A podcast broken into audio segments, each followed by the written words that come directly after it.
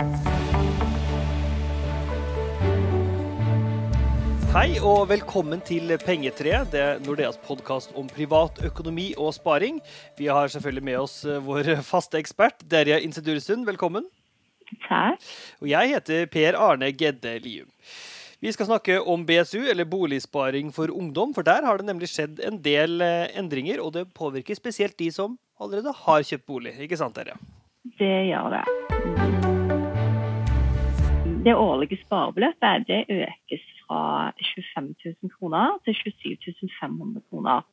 Um, og, du, og, og, du kan fortsatt spare totalt 300 000 kroner med gunstig rente eh, til og med det året du fyller 33 år. Men for å få skattefradrag nå, så kan du ikke eie bolig.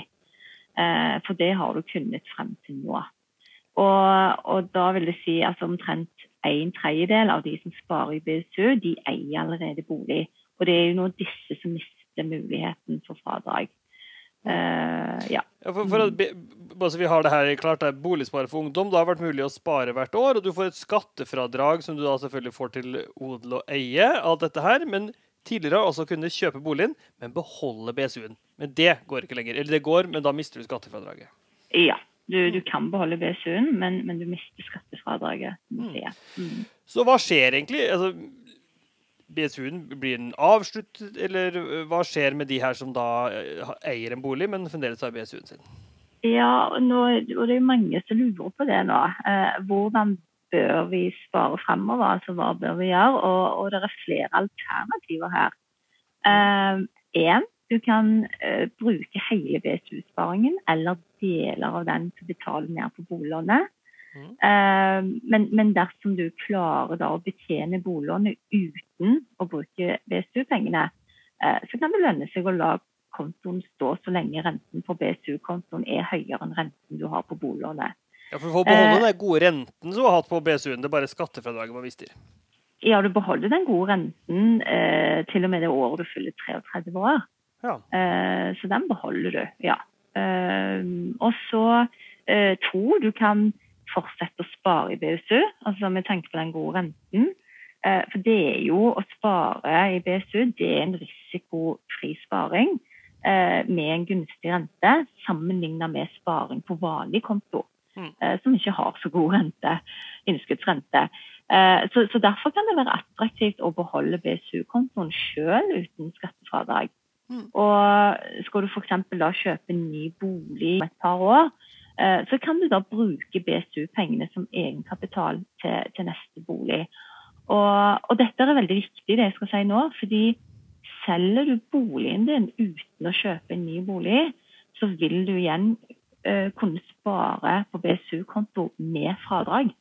Ja, for da eier du plutselig ikke noe bolig lenger. Ja, ja hmm. riktig. Ja.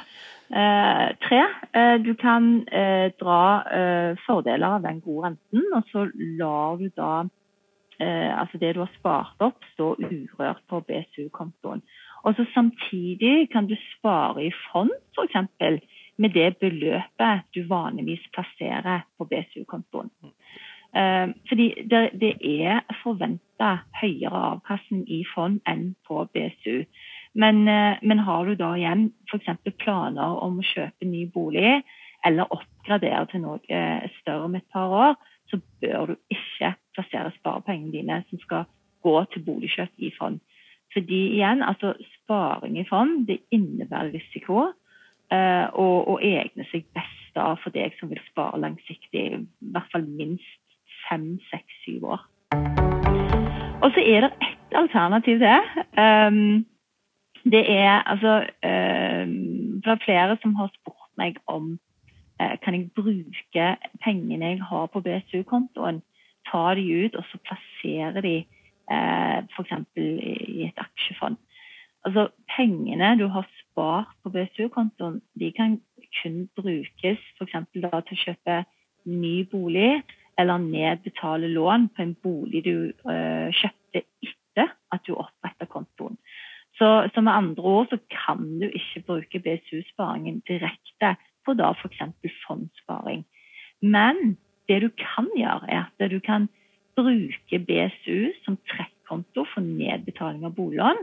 Og så kan du la trekk fra brukskontoen som gikk til nedbetaling av boliglån, og la det da gå til å spare i f.eks. fond. Ja, så Over tid så vil du på en måte få flytta det liksom via boliglånet inn i fond, da, på en måte? Ja, ja. Det kan det gjøre. Ja, for selv om du, du mister det skattefradraget, så det kravet om at BSU-penger må brukes til boligformål, det er ikke borte. Så det må du fremdeles. Ja, det må du. Mm. Uh, og det er veldig viktig. For hvis du bruker pengene til, til noe annet enn boligformål, så vil skattemyndighetene de vil kreve å få tilbakebetalt skattefradragene du har fått mm. siden du starta BSU-sparingen. Um, og det kan jo være en del? Ja, det kan være en del. Mm. Uh, og, og, du vil uh, heller ikke få muligheten til å spare i BSU senere hvis du har tatt ut pengene. Uh, så det er viktig å være klar over. Og viktig å være oppmerksom på ja, altså jeg tenker Derfor er det viktig å være oppmerksom på hva disse pengene mm. eh, benyttes det hvis du ønsker å ta det ut fra, fra BSU-kontoen din. Er, er, det noen frister man må tenke på? Må man gjøre noen aktive valg innen en viss frist eller noe rundt dette? Nei, det er ingen, eh, det er ingen frister her. Kontoen din står så lenge du vil. Mm. Ja. Det, hvis man tenker noe Oi, jeg har jo har en BSU som avsluttes. Og, og, har du noen liksom, tips til hvordan vi bør gå frem? Eh, for kanskje for å finne ut hva som passer for de? Nei, altså det, det, kommer helt an på situasjonen din. Altså hva du mener er, er best for deg å gjøre. Eh, som jeg nevnte, si hvis du eh, tenker at du skal oppgradere boligen, kjøpe noe større om to år, eh, og bruke disse pengene på det, eh, så, så, tenker jeg at man kan da la BSU-kontoen stå og, og, og få gode renter i to år til, f.eks. Mm. Så det kommer helt an på situasjonen din og hva du sjøl mener passer for din, eh, for din situasjon. Mm. mm. Men man må i hvert fall obs på at å fortsette å spare i BSU er jo ikke like gunstig som det var. da. Så Det, det er jo det som er litt tanken her, da. Ja, mm. det er riktig. For de som da eier bolig i dag. Mm. Bare en liten tanke. Kan uh, pensjonssparing på en eller annen måte være lurt? Eller er mange av disse kundene litt for unge til å begynne med pensjonssparing? Ja, altså eh, hvis, du, hvis, du, har Hvis du ikke har kjøpt bolig eh, så, og, og, har lyst til å kjøpe en bolig, så tenker jeg at det kan være lurt da, å spare til bolig først. Mm. Eh, men, eh, men, hvis du er etablert og har kommet deg eh, inn på boligmarkedet og, og, og, har en grei inntekt, så tenker jeg at det kan være lurt å begynne å tenke på pensjonssparingen. Mm. Mm. Tusen takk skal du ha, dere. Jo, takk. Og tusen takk til deg som hørte på. Håper du fikk noen gode tips her. Men hvis det er noe du fremdeles lurer på, bare ta kontakt med Nordea. Og så er du hjertelig velkommen tilbake til Pengetreet ved en senere anledning. Vi har jo masse podkaster om relevante privatøkonomiske tema. Ha det bra.